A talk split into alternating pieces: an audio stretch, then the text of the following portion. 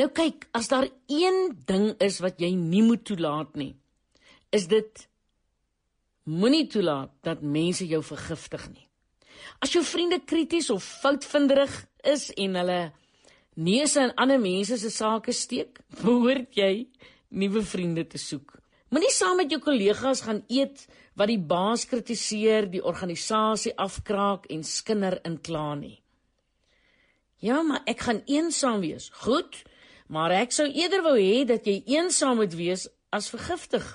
Ek sou eerder wou hê dat jy eensaam moet wees as om mense wat nooit eers gaan kom nie toe te laat om jou van jou bestemming te weerhou. Ja, mag jy moontlik sê, maar as ek nie saam met hulle gaan eet nie, ehm um, begin hulle dalk oor my praat. Kom ek vertel jou 'n geheim vandag. Dis hoogs waarskynlik dat hulle dit reeds doen. As hulle oor ander mense kan praat, sal hulle oor jou ook praat as jy nie by is nie. sien ek het 'n vriend wat jare gelede vir 'n bekende maatskappy gewerk het en hy was baie jonk. Ag man, laat ek dit sommer noem, hy het vir 'n kerkgroep gewerk. Hulle het uh, een keer 'n konferensie in 'n ander dorp bygewoon. En eendag na die verrigtinge het twee van die senior kollegas die jong man na hulle kamer genooi vir versnapperings. En hy het by hulle aangesluit en na wedstryd op televisie gekyk en toe die twee mans oor hulle baas begin praat. Nou uit die aard van die saak, dis 'n gemeente, dis 'n bediening en dit was nogal 'n bekende predikant geweest en hulle kritiek en negativiteit het hierdie jong man so geskok. Uh hy was pas uit die college uit en hierdie twee ouer mans wat reeds ongeveer 20 jaar toe al in die bediening as predikante was, het so sleg van hom gepraat dat hierdie jong man iets in sy binneste gehoor sê het: "Gee pad. Hierdie, hierdie wat hier gebeur is nie nou reg nie."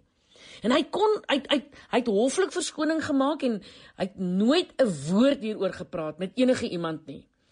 En 'n week later het die predikant daardie twee personeellede ontbied en gesê ek het vandag gebid en in my gees gevoel julle is nie meer saam met my nie. Dit is dis tyd vir julle om te gaan. Nou vandag is die jong man 'n besonder suksesvolle predikant. Hy reis die wêreld rond en hy preek oral en hy sê as ek nie daardie aand geloop het nie, as ek daardie twee toegelaat het om my te vergiftig, as ek ook so krities en veroordelend geword het, sou ek nie kon weet waar ek my vandag bevind nie. sien, die twee mans was net so begaafd soos hy. Hulle het baie potensiaal gehad. Maar het dit verspil deur rond te val. Hulle het nooit die volheid van wat God vir hulle berei het benut nie omdat hulle so 'n kritiese gees gehad het. Jy sien, wanneer mense rondom jou onmin saai en hulle leiers en familielede en vriende begin beskinder, moet jy nie bly sit en deel daarvan word nie. Jy moenie. Hulle kritiese gees kan jou van jou roeping weerhou. God sal nie 'n kritiese gees, 'n rugsteker, 'n skinderbek of opstoker verhef nie. As jy 'n probleem met iemand het, praat reguit en nie agter daardie mense se rug nie. Al stem jy nie met alles saam nie of al verstaan jy nie alles nie, moet jy jou nooit tot skinder en slegpraatery wend nie. Weet jy hoekom? Want slegpraatery kan boemerang. Die skrif sê: Moenie oordeel nie sodat jy nie geoordeel word nie. Matteus 7:1. Moenie mense afkraak jou in hulle foute verlustig en hulle uitmekaar trek tensy jy dieselfde behandeling wil ontvang nie. Daardie kritiese gees is nogal geneig om te boemerang. Iemand het Moses ook gekritiseer omdat sy nie van Moses se vrou gehou het nie. Jy kan daarvan gerus gaan lees in Numeri 12. Ja, haar storie het nie mooi geëindig nie. Ek wil regtig vir jou aanmoedig.